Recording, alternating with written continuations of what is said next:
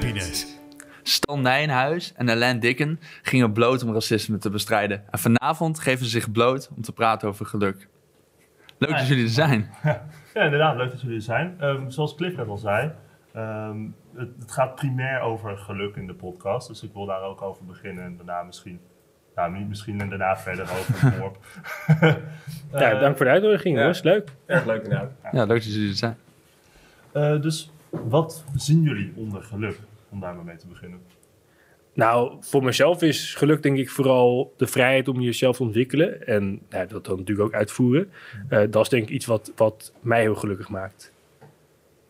Oh, ik dacht dat ik nog eventjes moest wachten. Nee, ja, ga je- Stoppen, maar, Ga, nee, ga je gang staan? Nee. Nee, nee, voor mij, eh, ik heb er ook even over nagedacht inderdaad. Ik dacht, toch, ik moet even goed voorbereiden. Maar voor mij is denk ik geluk gewoon dat je tevreden bent met wat je hebt, zeg maar, heel erg in het nu leven. Ehm, dus ik denk eigenlijk dat dat voornamelijk voor mij geluk betekent. Dus dat je tevreden bent met de omstandigheden die je hebt. Want ik denk dat je, ja, er is altijd wel wat, zeg maar, er is altijd stront aan de knikker. Ik bedoel, je kan, hoe rijk je ook bent of hoe, nou ja, hoe geweldig je leven misschien eh, ook vindt. Er zijn altijd wel momenten dat je aan kan wijzen dat je, nou ja, bij wijze van spreken iemand overlijdt. Of dat je toch tegenslag hebt. Dus ik denk dat je dat niet kan elimineren uit je leven. Dus dat uiteindelijk waar je geluk in zit, is eigenlijk nou ja, het feit dat je daarmee eh, content bent en mee kan leven. Ik denk dat daar in ieder geval in essentie eh, voor mij het geluk uit bestaat. Ja. Eh, wat me opvalt is, ehm, je zegt inderdaad ehm, eh, tevreden zijn met wat je nu hebt. Maar ik hoor net dan eh, juist die kans om te ontwikkelen. Eh, en dat lijkt me dan meer iets wat naar de toekomst kijkt. En juist helemaal niet echt, nou ook wel, maar niet per se naar wat je nu hebt. Zit er een beetje een, een tegenstelling in? Nou ja, ik denk niet dat het per se een tegenstelling is. Het kan natuurlijk lijken als een tegenstelling, maar eh, het betekent dat je zeg maar, als je gelukkig bent met wat je nu hebt, betekent niet dat je niet wilt ontwikkelen. Ik, bedoel, ik ben voor mezelf ook iemand die graag nou ja, nieuwe kansen opzoekt en eh, zich juist ontwikkelt in, in nieuwe dingen. Ik zit niet voor niets voor het eerst in de podcast vanavond, hè? dus dat is ook weer iets nieuws. dat is ook zo. Kijk, maar eh, nee, zonder gekheid. Eh, het betekent niet dat je, dat je hoeft te stoppen met het gelukkig zijn zeg maar, in het moment. Ik bedoel, het, het scheelt als je heel goed in het, in het nu kan leven en niet alleen maar de zorgen van morgen ziet. Maar je kan ook juist kansen in de toekomst zien. Dus ik denk dat dat echt wel onderdeel is van, eh, van het geluk. Hm. Eh, daar zie ik zeker geen tegenstelling in. Juist eh, nou, een mooie aanvulling eigenlijk. Ja. ik, ik, dan zou ik hem nuanceren. Dan zou ik zeggen, je bent gelukkig als je content bent met wat je hebt. Maar zonder dat je de kansen uitsluit in de toekomst. Ja, dat is een mooie, hè? De, de, de definities gecombineerd op een hele mooie... Zeker, goede ja. samenwerking. Ja, ja, precies. Ja, en jij zei dus ook de ruimte om je te ontwikkelen. En, en wat precies daaraan staat gelijk aan geluk? Nou ja, wat ik zelf heel erg heb, is dat ik eh, eigenlijk elke keer weer kansen krijg vanuit allerlei dingen in mijn omgeving om weer nieuwe dingen bij te leren. Ik ben ook dit jaar begonnen aan een studie bijvoorbeeld, om ook weer mezelf wat dingen te- bij te leren. Maar ook gewoon soms cursussen die je aangeboden krijgt. Ik merk dat ik het echt super leuk vind om ja, energie te halen uit, eh, uit nieuwe dingen die je leert. En Ja. ik denk ook dat zolang je daar tijd en, en de, de middelen voor hebt om je te blijven ontwikkelen, dat je ook steeds weer een, een nieuw doel krijgt om, om van te genieten. Een, een nieuw, nieuw beetje bagage wat je meeneemt in positieve zin. Eh, dat merk ik Ja. echt heel erg. En denk je dus dan ook steeds gelukkiger wordt? Of is het gewoon puur die vrijheid hebben? Nou Ja, ik denk, ik denk dat op een gegeven moment natuurlijk je geluk wel een soort van gemaximaliseerd is. Dus Dat ervaar ik in ieder geval dat je niet per se van de zoveelste eh, nieuwe dingen die je leert nog veel gelukkiger wordt. Maar het feit dat je het continu kan blijven doen en dat je de- daar niet in belemmerd wordt, dat draagt voor mij wel heel erg bij aan het gevoel dat ik gelukkig ben. Ja, ik ben het er wel mee eens. Een beetje het idee dat je kan, dat je kan blijven leren en dat ook wil doen. Dat je die nieuwsgierigheid Ja. die daarbij komt kijken.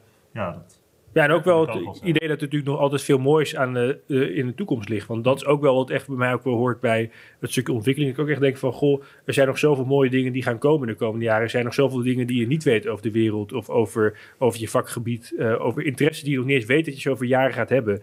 En juist die, die, die kansen voor de toekomst, die, die nieuwsgierigheid die ik nog kan gaan hebben, dat maakt mij heel gelukkig. En over wat voor dingen leer je? Waar word je gelukkig van? Ja, het zit echt in hele kleine dingen. Ik, ik heb toevallig een, eh, ben ik voor een half jaar geleden begonnen met piano spelen. Wat gewoon een beetje in de vrije tijd thuis te doen.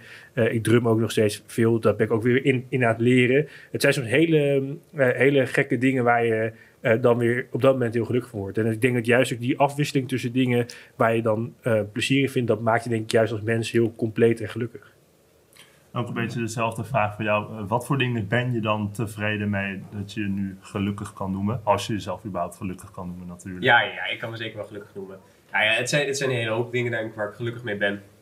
Ik denk dat we in een, eh, ja, over het algemeen gezien in een heel mooi land wonen en leven. Ja. Eh, ontzettend rijk aan kansen. Eh, kijk, iedereen heeft denk ik altijd zijn... eh, je, je krijgt zeg maar bepaalde kaarten gedeeld natuurlijk in het leven. Dus iedereen heeft zijn dingetjes die tegenzitten of meezitten.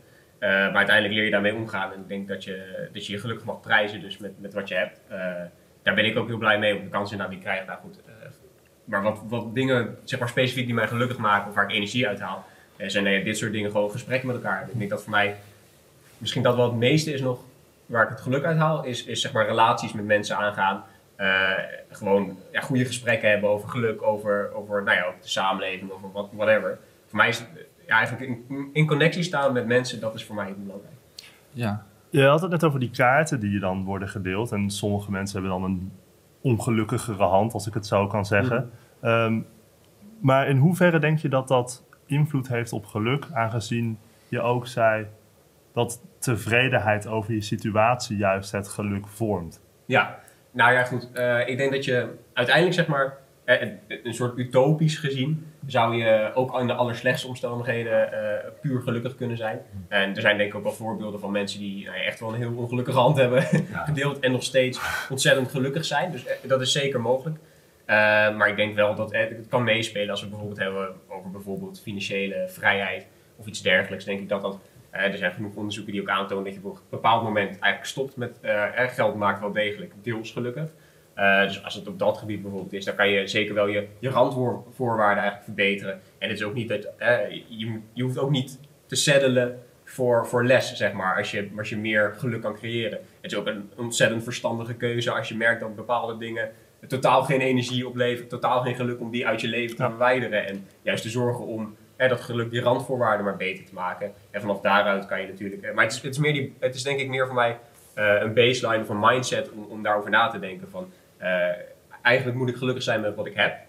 Maar dat betekent dus niet, eh, je, je kan altijd verbeteren Ja. daarin. Ja. Maar het is, gewoon, het is gewoon die basis die je hebt. Dat je op die manier ernaar kijkt. Oké, ik kan ook gelukkig zijn met wat ik heb. Het is niet zo dat dat stapje extra per se moet. Het is leuk, maar ik kan, ben ook gelukkig met dat stapje minder wat ik al heb. Maar ik denk ook wel dat wat echt de grap is, is dat het, als je een half jaar geleden gevraagd had hoe het zat qua geluk en wat mij geluk maakte of een jaar geleden, ik denk natuurlijk je steeds weer nieuwe dingen vindt waar je blij van wordt en ook steeds nieuwe dingen vindt, ehm, nou ja, e- eigenlijk die je, die je belangrijker vindt dan je voorheen dacht. Ik heb vroeger heel veel gereisd, ook voor corona. Eh, nu met corona ging dat niet, niet meer door. Dan denk je eerst van, goh, ga ik hier enorm van balen? Ga ik dit jammer vinden?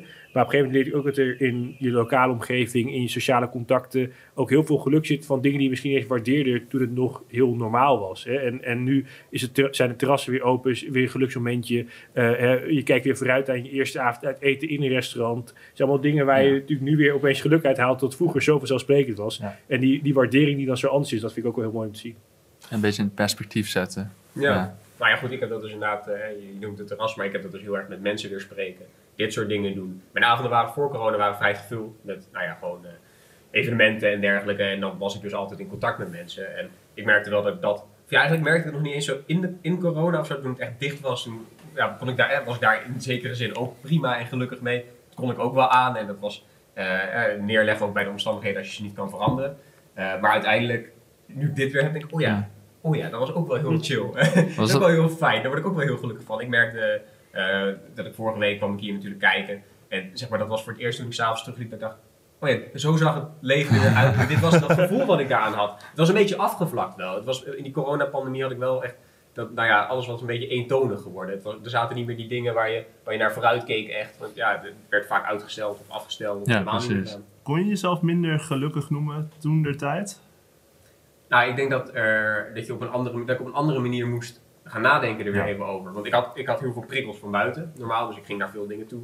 Eh, dus het geluk nou ja, kwam in die zin me een beetje aanwaren. Het was een beetje bijna lui geluk te noemen. Toch, ik werd, werd geprikkeld en ik hoefde daar niet heel veel voor te doen, want jullie maakten mijn geluk al. En ik, ik, ik merkte in die coronapandemie dat je wel veel meer naar jezelf moest gaan kijken. Dus hè, wat maakt mij nou gelukkig? Ik, ik, ik heb best wel wat dingen gehad waarvan ik dacht, oké, eh, ik deed best wel veel voor mijn studievereniging. En ook wat, wel wat dingen, misschien herkennen jullie dat als medestudenten. eh dat je soms ook dingen doet voor je cv. Want je hebt toch een beetje het gevoel dat, hè, dat van de maatschappij wordt verlangd. Je een goede cv-beelding moet hebben. Eh, ik merkte wel dat daar een aantal dingen in wegvielen. Dat ik oh, dit heb ik dus eigenlijk de afgelopen tijd, of afgelopen jaren, een beetje voor mijn cv zitten doen. En die, die mis ik niet, zeg maar. Dat is niet waar ik mijn geluk uit haal. Andere dingen juist wel heel erg. Bijvoorbeeld dat ik met mijn vriendin... eh, hadden we ineens heel veel meer tijd samen. Omdat we beide best wel druk zijn. Dus ineens hadden we echt enorm veel tijd om gewoon eh, quality time met elkaar te halen. En dat toen was ineens, oké, dit is dus waar ik bijvoorbeeld hè, weer in die connectie staan met iemand. Eh, Daar haal ik heel veel geluk uit. En nou ja, dat zijn wel perspectieven die ik mee heb genomen. Dus, eh, en in die zin ben ik niet minder gelukkig geworden. Een beetje een lang verhaal misschien om dat punt te maken. Maar ben Ja, ik ik niet snap. minder gelukkig in de, maar anders gelukkig. En misschien ook iets meer je best moet doen. Ja. Om, om eh, Het is geluk eigenlijk te gewoon een beetje een mooie les geweest Ja. dan, hè? Dat je ook geluk uit jezelf kan halen, uit andere dingen. Dat je het zelf moet zoeken. En dat je niet kan verwachten dat het zomaar aankomt waaien. Ja, dat is dan iets moeilijker, maar ook wel weer waardevoller misschien. Ja, precies. Maar dat neem je dan natuurlijk mee. Ja. Maar ik denk echt dat allemaal dingen weer anders gewaardeerd zijn geraakt door corona. In ieder geval bij mezelf merkte ik het echt dat, hè, wat ik zeg, in plaats van eh, een vliegtuig naar de andere van de oceaan te moeten pakken, is nu op de racefiets een rondje rondom je huis eigenlijk al een heel groot geluksmomentje. Al bijna als een verre reis voelt het aan. En opeens is een weekendje weg naar een vakantiepark ergens in Limburg. Is opeens gewoon net zo leuk als vroeger een, eh, een trip op een cruiseschip. En dat zijn echt dingen waar je gewoon niet bij stil kon staan vroeger. Want het moest allemaal maar gekker en verder en groter. En, en die drang ben ik in ieder geval zelf met corona heel erg kwijtgeraakt. Ik ben echt gaan leren dat de fiets ook leuk is als vervoersmiddel. En dat ook gewoon Ja. eh, in je achtertuin zitten ook lachen is. Ja, ik denk dat je veel meer naar de essentie gaat eigenlijk van... Ja, misschien, ja, dat klinkt dan wel heel zweverig en zo ben ik helemaal niet. Maar Ja, dan het mag je. het Hier mag je ja, zeggen wat je wilt. het, Maar het, het, het mens zijn, zeg maar, waar, waarin zit het, tenminste voor mij, als ik kijk, eh, ik, ben, ik ben niet gelovig, eh, opgevoed, ik ben ook helemaal niet gelovig. Ik denk, de- zeg maar, wij zijn hier niet voor een reden. Dat is hoe ik er tegenaan kijk. Mhm.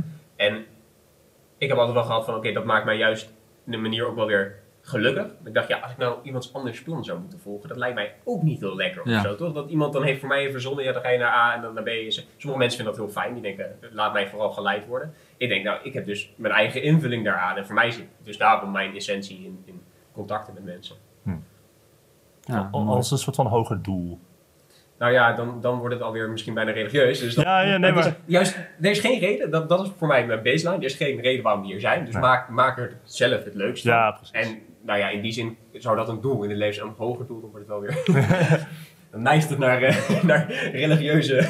Ik snap, ik snap wel een beetje wat je bedoelt. Wat ik bijvoorbeeld heb is...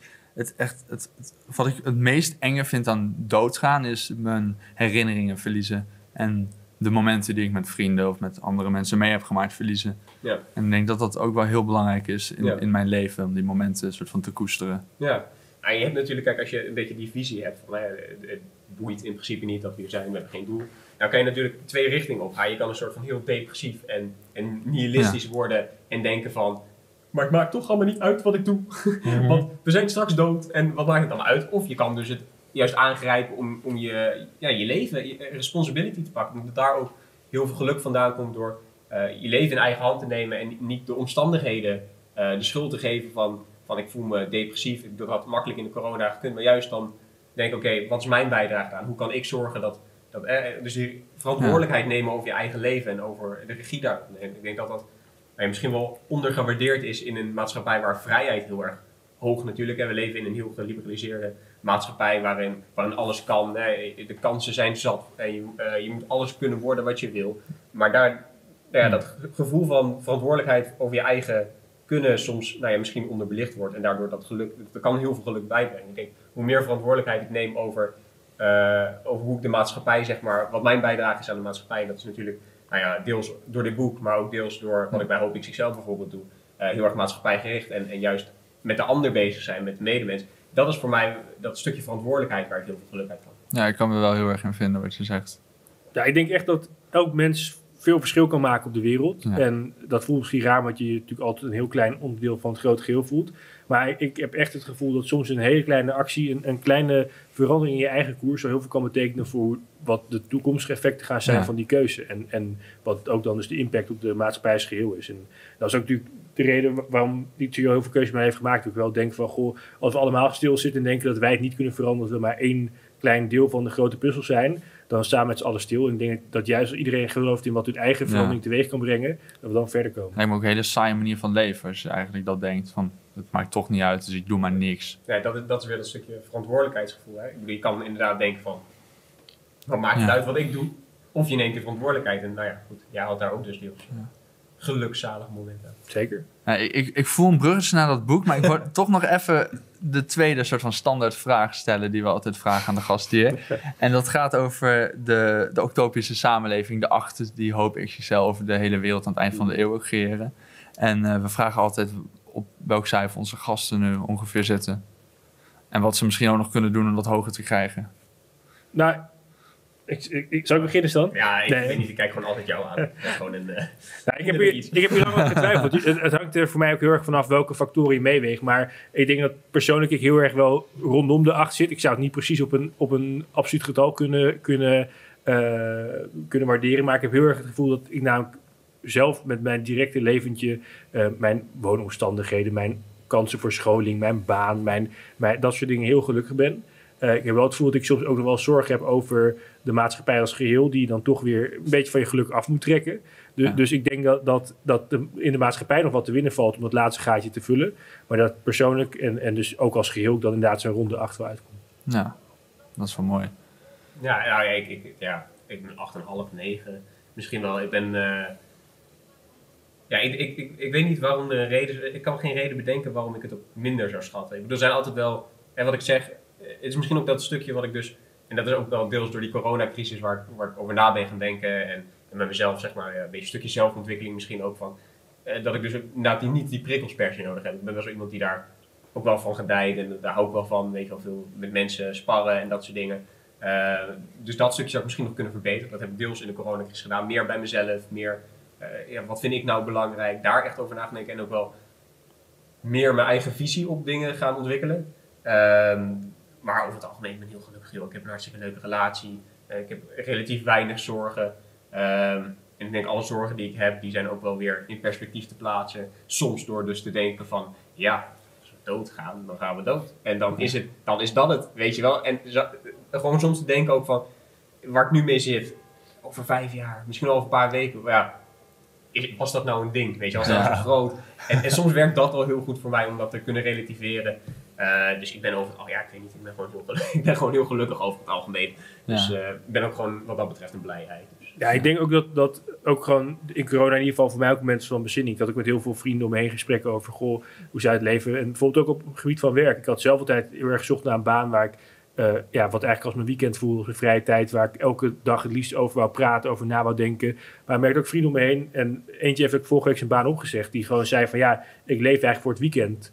Eh, Want Ja. ik vind mijn werk helemaal niet zo leuk. Eh, en, en toen zei ik tegen hem van ja, je moet jezelf wel afvragen. Er zijn ook echt banen waar je no- nooit klok gaat kijken, waar de schoonmaker je kantoor uit komt trappen. Ja. En, en probeer zo'n baan te vinden. Want dat, dat, je besteedt meer tijd aan je werk, aan je familie, aan je vrienden, aan alle andere dingen bij elkaar opgeteld. Du- dus zorg er nou voor dat dat moment is waar je ook heel blij van wordt. Eh, want dat je er 40 uur per week aan gaat moeten zitten, is toch een feit. En dan kun je maar beter doen waar je je tijd nuttig voelt en ook op een leuke manier besteed voelt. Ja, Ja, het is misschien nog wel belangrijker dat je iets doet wat je leuk vindt dan iets wat nuttig is, zou ik zeggen. Toch? Ja, ja, kijk, het ligt er natuurlijk aan ook, kijk, van welke hoek je komt. Voor mij is iets leuks ook vaak iets Ja, nou van ja. bijdraagt. Zeg maar. Voor mij zijn die twee dingen bijna inherent Mm. met elkaar verbonden. Dus Ja, ik, kan ze, ik kan ze in die zin niet zo goed scheiden. Nee, maar ik zou, niet, ik zou denk ik niet kunnen zeggen dat het voor iedereen het geval is. Nee, dat, dat- ik, sowieso alles wat ik zeg vanavond, dat, dat, Dat is alleen voor voor mij. jou, nee, dat is heel ja. leuk voor mij, maar neem het vooral niet aan als absolute waarheid. Nee, dus dan gaan we weer eh, de verkeerde richting op.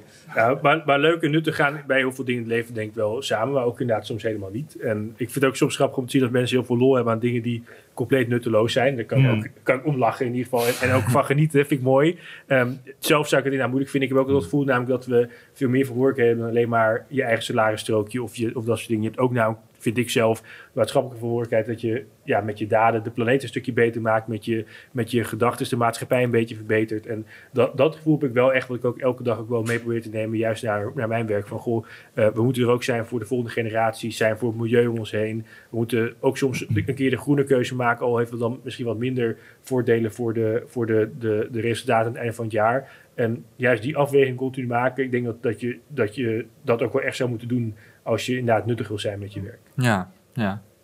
Eh, denken jullie hier vaak over na, over, over geluk? Over hoe Nou ja, wel meer, bent? meer dan daarvoor, denk ik. Meer, of ja, voor corona, als dat zeg maar even. Ja, als het, het ding, zeg maar. Ik denk, ja, ik, ja gewoon, je, je bent toch teruggegaan naar een wat minder vluchtig leven, denk ik. En dat heeft ook wel veel meer voor gezorgd dat ik de dingen anders ben gaan zien. En inderdaad ook Ja. wel veel meer ben na- gaan nadenken over gewoon, ja, wat, waar zit het nou in? Het voorbeeldje van jouw werk, en je zegt van, ja, ik ben hartstikke gelukkig met, met wat ik doe qua werk. En ik, voor mij is dat weekend. Eh, nou ja, ik merk ook wel, ik ben nog heel erg zoekende daarna. Want ik, ik studeer dan rechten.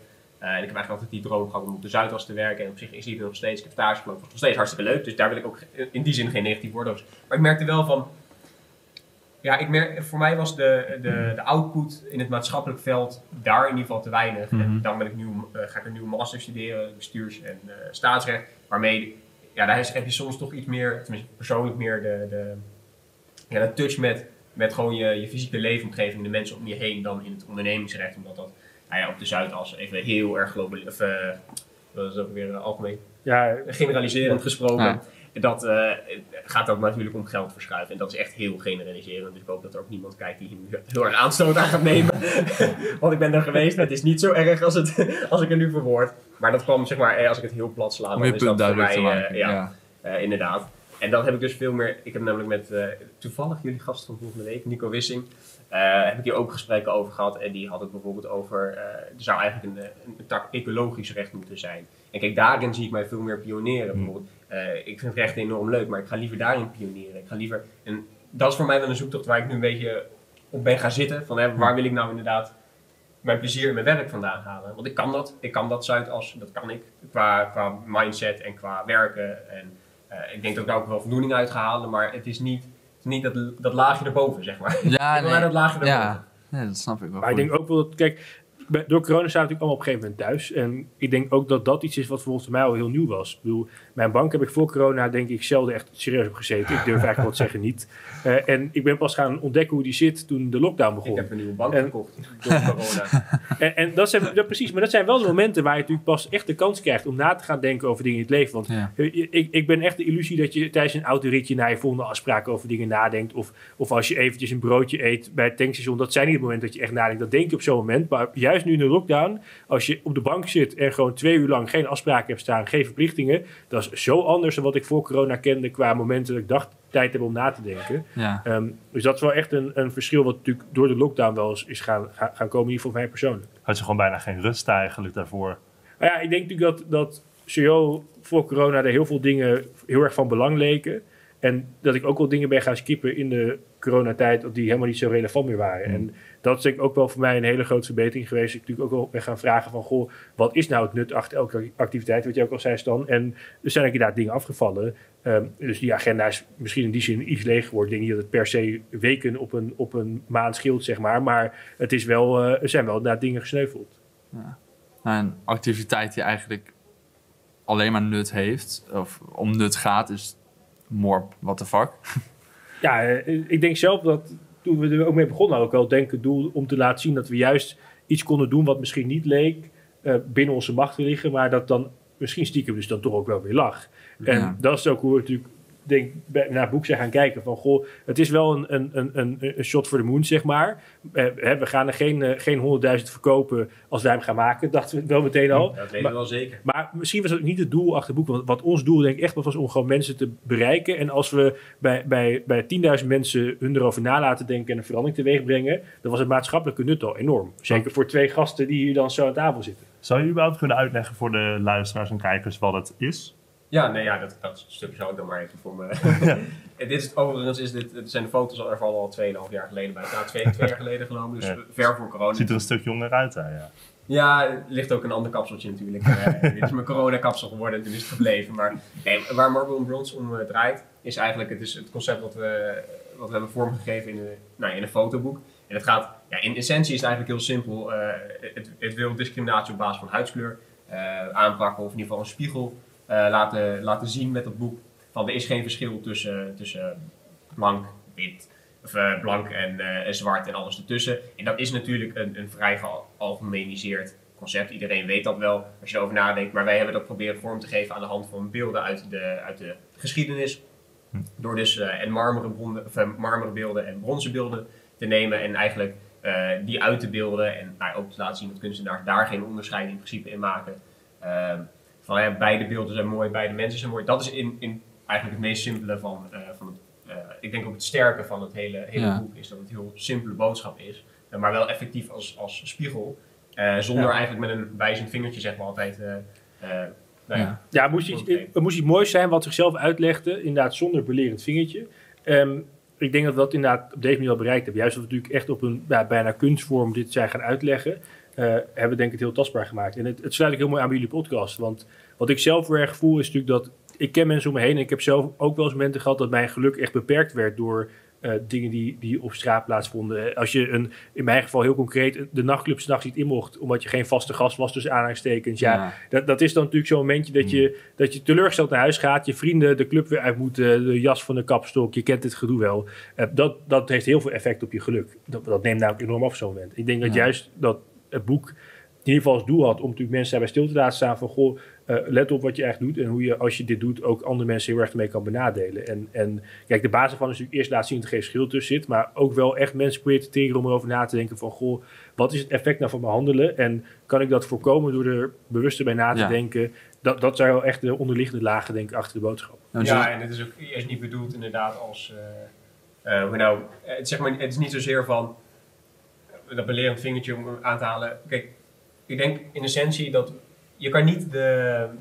Je kan alleen het bewustzijnsniveau aanpakken en eh, iemand bewust maken van zijn vooroordelen. Dat is denk ik uiteindelijk de essentie wat we willen. En het, wij hebben het nu eh, puur over, eh, over huidskleur, maar er zijn enorm veel aspecten waar, waarmee je stereotypering hebt, et Ja. cetera. En dat- ik denk ook niet, want dat zou ik een hele kwalijke samenleving vinden, dat we willen naar een samenleving waarin je je bewust bent van eh, dat mag niet en dan vervolgens dat niet doet omdat het niet mag. Dat is niet waar we heen willen. We moeten eigenlijk, tenminste waar ik persoonlijk naar streef, ik moet je maar aanvullen als je, als je het er niet mee eens bent, maar waar ik persoonlijk naar streef is eh, wel bewust zijn van je stereo- stereotypering, maar eigenlijk eh, ook aan de hand van dit boek bijvoorbeeld een, een sfeer creëren waarin daar niet gelijk gewezen wordt van dit is slecht. Want ik denk Ja. dat we, wat we doen vaak in dit soort discussies is, nou ja, zo'n voorbeeld als slecht. En dan, nou ja, als iemand dat tegen mij zegt, hè, racist of wat dan ook, dan ga je gelijk stijgen.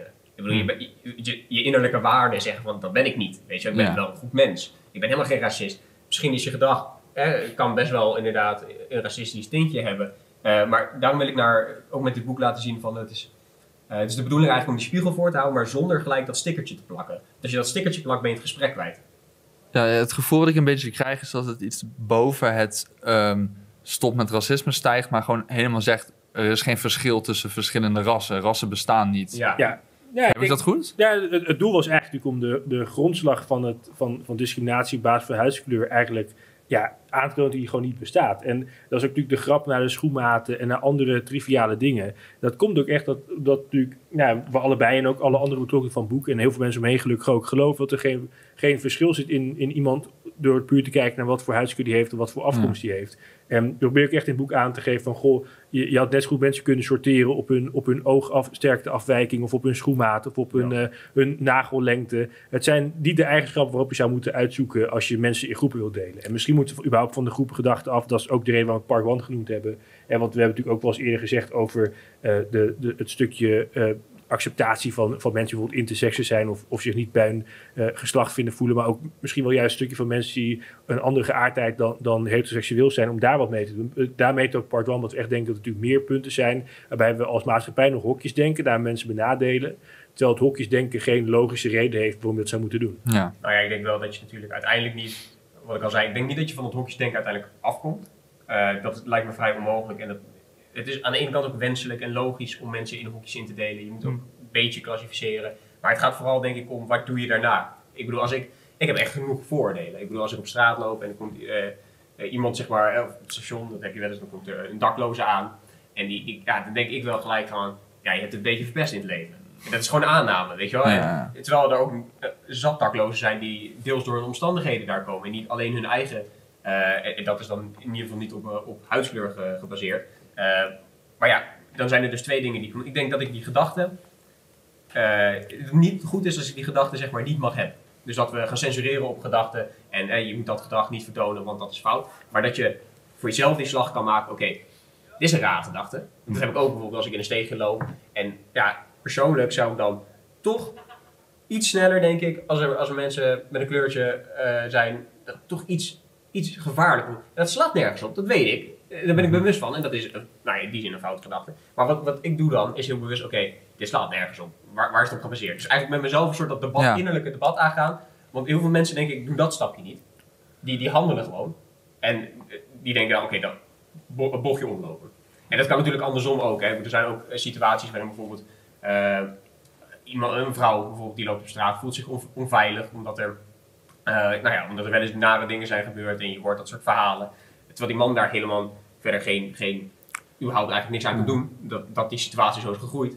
En dan wil ik niet naar een samenleving waarin we dan zeggen, die man moet dan niet kijken. Zeg maar, dat is wat je kan doen. Maar dan denk ik, ja, dan ben je dus aan het censureren. Je moet eigenlijk zorgen dat je die samenleving zo vormt, dat eigenlijk die onveiligheid wegvalt.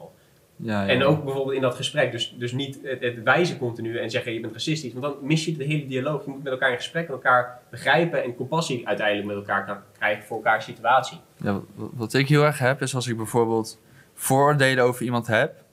Eh, bijvoorbeeld, ik ga nieuw iemand ontmoeten waar ik wat van heb, heb gehoord. En dan heb ik er voordelen over. En die voordelen blijken uiteindelijk niet waar Ja. te zijn. Dan ben ik aan de ene kant heel erg boos een beetje op mezelf. Van waarom heb je nou die voordelen of voordelen? En aan de andere kant voelt het ook weer weer goed of zo. En dat, dat, dat bewustzijn krijg je van ja, waarom zijn die vooroordelen er eigenlijk? En dan treed je er misschien iets, steeds meer iets buiten. Ja, ik denk dat het krachtig is uiteindelijk inderdaad dan die discussie heel erg voeren op dit gedrag mag niet. Eh, want wat ik al zei, ik heb ook vooroordelen en ik ben me bewust van dat dat geen logische Ja. vooroordelen zijn.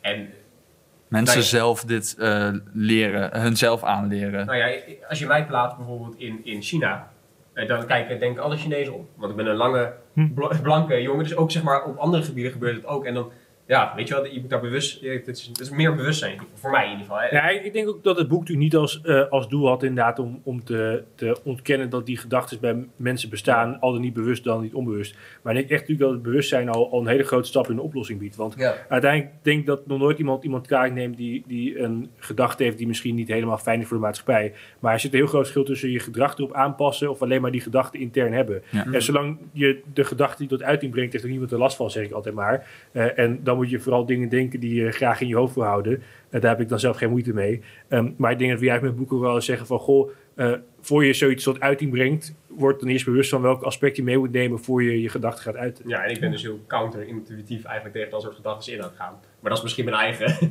invulling daaraan, dat ik juist probeer. Ik denk, ja, dit slaat nergens op. Dus het is een beetje hetzelfde als. Ik heb ook wel eens gehad, toch als je. Dan denk je, oké, eh, als het licht nu op groen gaat, dan haal ik een goed cijfer voor toets. Weet je wel, van die rare. Ja, ja, dat je gaat toch? of dat je gaat aftellen Ja, bij een en stoplicht. dan, dan ga ik juist, juist stoppen, weet je wel. dat, dat soort dingen er tegenin. En eh, nou ja, zo zijn er meer voorbeelden. Dus Ja. ik denk dat je uiteindelijk eh, daar meer aan hebt als samenleving dan.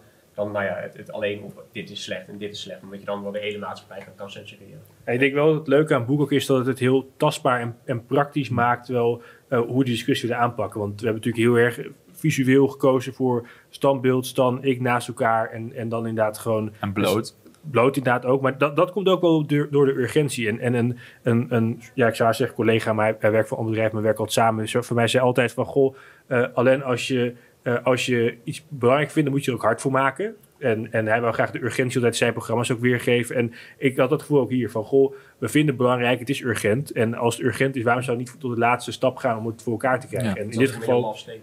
Ja, en in dit geval, kijk, eh, ik heb zelf vroeger Grieks en Latijn gehad op de middelbare school. En dan zie je natuurlijk ook al heel veel van die standbeelden in boeken staan. Het heeft me altijd geïnspireerd, moet ik ook zeggen. Ehm, maar die waren eigenlijk altijd naakt, ook in die boeken al. Want dat was in die tijd een hele normale kunstvorm. Ik weet dat ooit ook een, gedicht ging over dat het- de naakte mens moeilijker was om uit te beelden dan de geklede mens. Ehm, ik zou niet meer weten waar het stond, maar dat heb ik wel ooit gelezen. En, en dat heb ik ook altijd geloofd, ook toen ik zelf later ging fotograferen.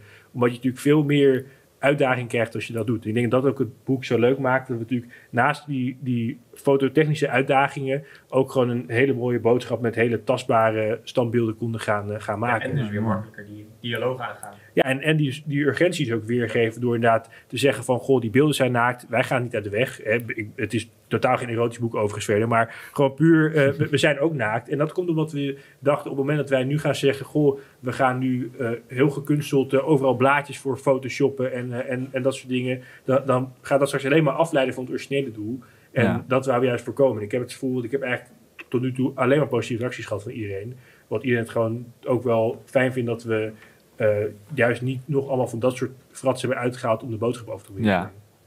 Nou, ik denk dat het wel eh, op die manier bij een wat breder publiek misschien terechtkomt. Want dan heeft iedereen zoiets van, oh, ze staan er naakt in. Dat is wel Het prikkelt Hè? ook wel een beetje. het prikkelt een beetje. Ik sloeg Ja, hem ja. meteen open toen ik hem hier voor het eerst zag liggen.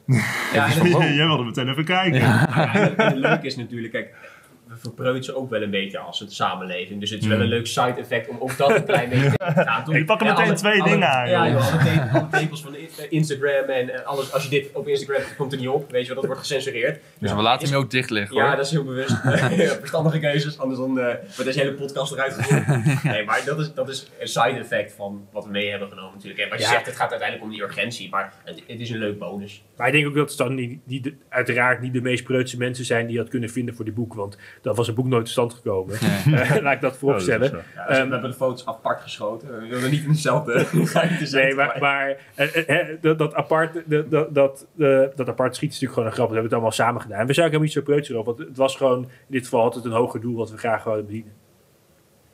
Ja, mooi. Waar denk je eh, dat die vooroordelen ehm, hè, die dit boek probeert aan te pakken, waar, waar komt dat vandaan?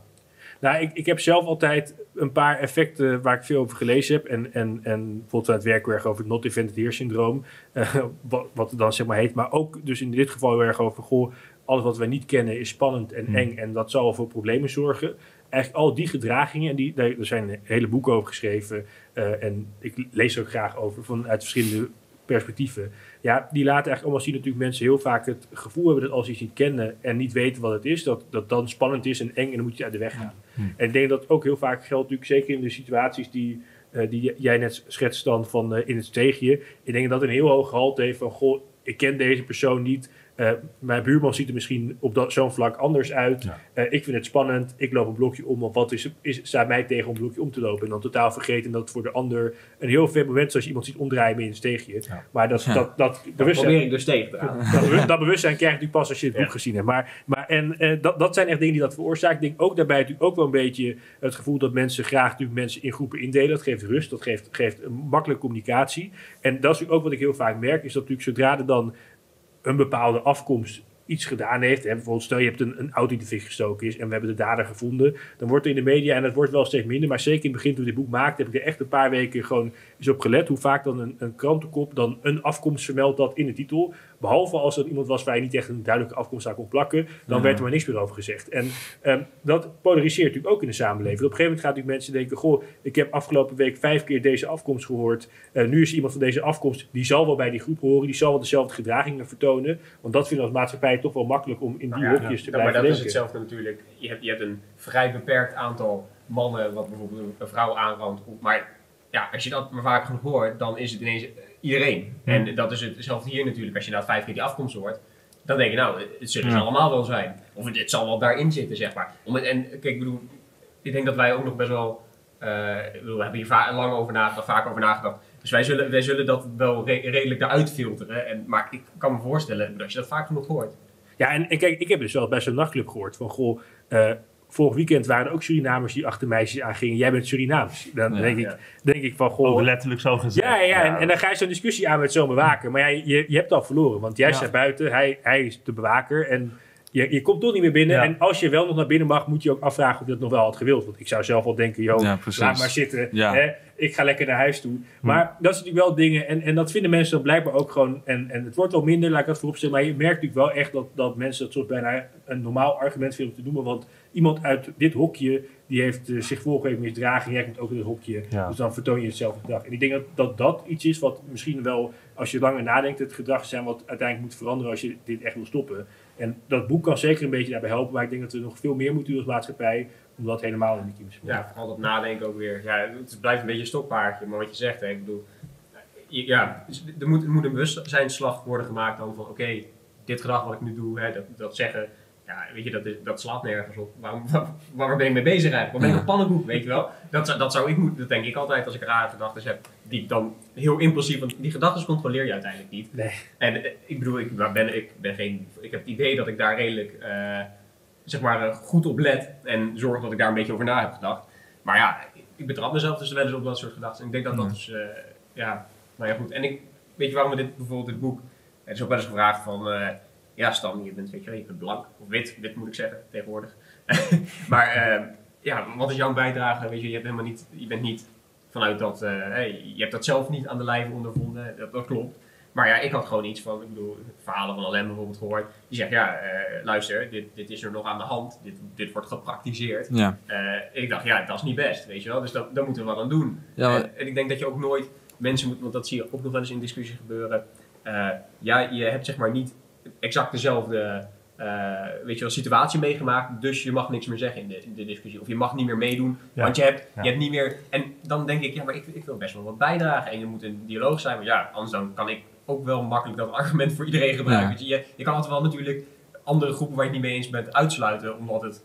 eh, ja, nou ja, goed, je kan, je Ja. kan overal inderdaad in hokjes plaatsen en dan wel één hokje En- pakken waar je wel in zit. En iedereen die meehelpt, helpt natuurlijk aan die veranderingen. En dat Ja. is ook natuurlijk een punt wat er wel achter staat. Eh, Dat, ik had het boek nooit alleen kunnen maken, laat ik dat vooropstellen. Eh maar ik denk ook dat natuurlijk hoe meer mensen zich betrokken voelen bij de discussie, het hoeft dus echt niet alleen maar uit oogpunt dat ze zelf hebben meegemaakt, maar ook inderdaad gewoon uit het maatschappelijke stukje verandering wat ze teweeg willen brengen. Ik zou haast zeggen, haak vooral aan, want ik denk dat iedereen een verschil kan maken hierin. En daar hoef je echt niet zelf voor ervaren te hebben om je mening over te uiten, andere mensen inspireren, er anders over te denken.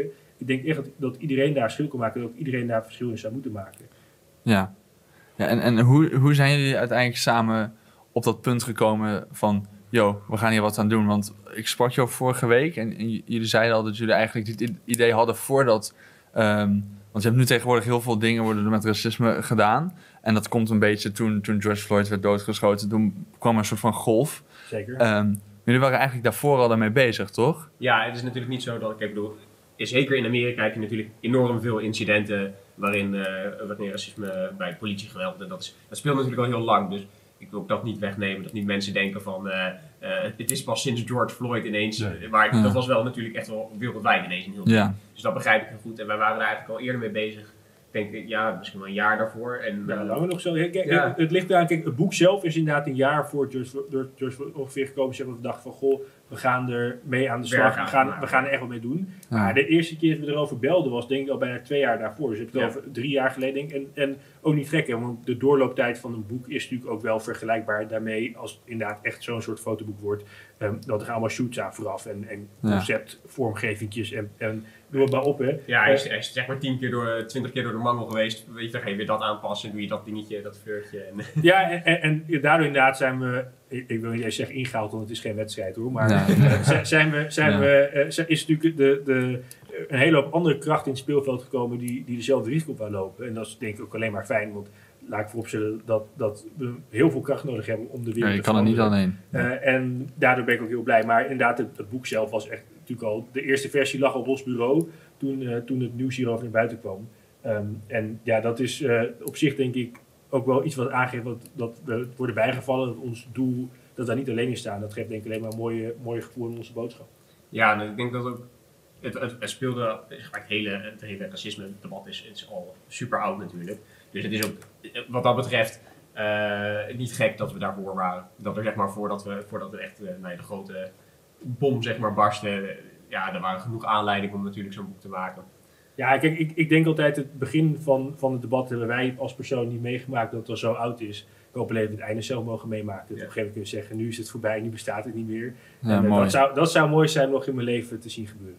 Ja, dat je? is mooi. Denk je dat het gaat gebeuren? Nou ja, kijk, Tenminste in je leven? ik merk wel dat er, dat er echt wel in, in mijn omgeving een hoop veranderd is in de afgelopen jaren. Hmm. Zeker. En ik denk wel dat we dat natuurlijk ook je soms inderdaad dan, dat heb ik nu eigenlijk ook niet altijd meer uit de, de hoek komen als wat gebeurt. Ik bedoel, soms heb ik ook gewoon mensen die dan zeggen, goh, eh, je klinkt helemaal niet Surinaams. Of, eh, of je praat helemaal niet Surinaams. Weet je, dat zijn dan dingen die, die ik ook nog steeds al hoor. Ik denk, ja, als, als dat dan nu de heftigste grap is die, je- die je gaat horen, Maar ja, dan, misschien dan, ook niet een grap nog. Hè. Nee, nee, maar, maar hè, dan denk ik van, goh, dat is ook nog, kun je ook nog lang over discussiëren. Maar daar neem ik natuurlijk al lang niet zoveel aanstoot meer aan als als je, wat ik zeg, bij zo'n club staat of bij de Ja. douane of, of, of langs de snelweg. Maar ehm, ik, ik denk dus dat, dat we in ieder geval al de, de weg op zijn dat het inderdaad een, een, een stukje afvlakt. En we hebben nog een lange weg te gaan, maar eh, het, het- ik denk, ik zie wel al een hoop veranderen. Ja, maar ik denk ook, kijk, er zal altijd een percentage blijven wat gewoon inherent, zeg maar, eh, dit soort dingen uit. Of het nou gaat over huidskleur of over, eh, nou ja, homohuwelijk of, of, of welke vorm van, van minderheid je uiteindelijk eh, aanspreekt. Dus je gaat het nooit helemaal uitbouwen. Ja. Ik denk niet dat dat, ik denk dat dat een beetje een, een, een, nou ja, een illusie is dat je dat gaat redden. Maar ik denk wel dat je uiteindelijk eh, ja, tot een bepaalde acceptatie natuurlijk kan komen. waarop het gewoon wenselijk is, zeg maar. Waarop je gewoon eigenlijk iedereen normaal met elkaar omgaat op een bepaalde wijze en er, er niet eh, van die excessen meer in grote mate plaatsvinden. Ik denk dat dat wel iets is wat we, wat we kunnen bereiken. Ik denk Ja. dat ook, eh, nou ja, die jeugd, om het zo maar te noemen, onze generatie, eh, überhaupt veel bewuster is met bepaalde dingen. En kijk, over, over, geloof me, over 40 jaar zullen ze tegen ons ook wel, weet je, zo, voor ons zijn wij de oude, oude mannen en vrouwen die, die dan ja, van die rare concepten in het leven hadden, waar zij dan weer van zeggen van dat is, dat is achterhaald. Dus ik heb ook niet de illusie dat wij verlicht zijn of zo, toch? Dat we, dat we uiteindelijk, wij het hebben uitgevonden en wij alles eventjes gaan regelen, dat geloof ik ook niet, maar Je draagt gewoon je steentje bij. ja, een, een stapje zetten met Nee, z'n we, allen. we weten ook allemaal dat er natuurlijk weer nieuwe dingen gaan komen in de toekomst. En, en inderdaad, ik denk dat er natuurlijk vandaag de dag ook op heel veel andere punten eh, nog minderheden zijn ontstaan die er echt last van hebben dan alleen maar op het gebied van huidskleur. Dus ik denk dat er zeker nog veel stappen nu te zetten zijn, ook in de toekomst te zetten zijn. Ehm, maar ik denk dat, dat mijn boodschap altijd zal zijn, als je, als je zelf onder de meerderheid schaart in de verdeling, probeer dan op te komen voor je minderheden. Want ik denk dat als iedereen dat zou doen, dat we dan een hoop Maar ja, voorkomen. ik denk dat de samenleving natuurlijk uiteindelijk staat of valt bij hoe je de minderheden in je, in je samenleving behandelt. En dan gaat het echt breed, zeg maar. Het is altijd zo. Nee, maar ik, kijk, ik, het mooiste is natuurlijk ja, ooit van die hele splitsing afkomen in elk gebied. Maar inderdaad wat je zegt, ik denk dat... Ik weet niet of ik heel gelukkig word van een egalitaire samenleving waarin alles gelijk is. Er moet, er moet, er moet ruimte zijn voor verschil, anders dan word je type ongelukkig. Dus ik, ik, daar ben ik ook saai dan meteen? Ja, ik hoef ook geen eenheidsworst. Dus, eh, en daar, daar hou ik mij verre van. Maar eh, het zou mooi zijn. Ik bedoel, kloterij houden we altijd. Dus dat, dat, daar moeten we ook gewoon eerlijk in zijn. Dus, maar in ieder geval... Dat is een beetje wat Hoop ik zelf ook Ja. zegt, toch? Want we Ja, kunnen de gaan 10 die niet acht, halen, we pakken de 8. Nee, zeker. En ik denk dat dat in, zeker in deze discussie natuurlijk een 8 wel heel mooi doel is. Mooi. We zitten echt dik op de tijd. We hebben het niet eens over de voorwerpen gehad. Ehm, Ja, ik had een agenda me. Ik, heb- ik, ik- ja, die heb ik nu niet, niet hier liggen blijkbaar. en het komt wel goed uit, want we hebben, ja, ja, Ja, kan we dan heel kort... Doen heel kort. heel snel. Leuk, ja, heel snel. Ja, ik vind het gewoon leuk, anders dan... Je hebt een minuut. Speedronde, de speedronde. ik had een agenda gepakt, want het idee waar achter de agenda was natuurlijk metaforisch gezien dat ik ga ook even op een snelle tempo praten. Dan, eh, Ja, nee, dat is fijn. Nee, maar eh, daar staan alle afspraken in die mij in zekere zin gelukkig maken. Ook een deel ongelukkiger maken, want dat zijn de moedjes erin. Maar zeker ook wat me gelukkiger maakt. En dat zijn dus alle, ja, alle leuke dingen. En die komen in de agenda te staan. En mijn vriendin zegt nu eh, achteraf ergens een keer van je, je liegt, want je vergeet al dingen in je agenda te schrijven. Maar het idee erachter is dat, dat ze erin komen en dat dat, een, eh, dat, dat mij gelukkig maakt. Oké, en Nou, ja, ik heb ze aangetrokken. Ik weet niet welke camera, maar eh zijn schoenen. Eh, verder overigens helemaal geen bijzondere schoenen, maar gewoon Ja, herenschoenen niet voor de, voor, de, voor de luisteraar. Ehm, en wat voor mij daar moment aan was, was dat ik op een gegeven moment eigenlijk afbouw van de overconsumptie van, eh, van kleding en schoenen in het algemeen. En dat ik toe wou naar een wat, model wat wat langer meeging dan, dan mijn gemiddelde sneaker die ik na drie maanden weg kon gooien.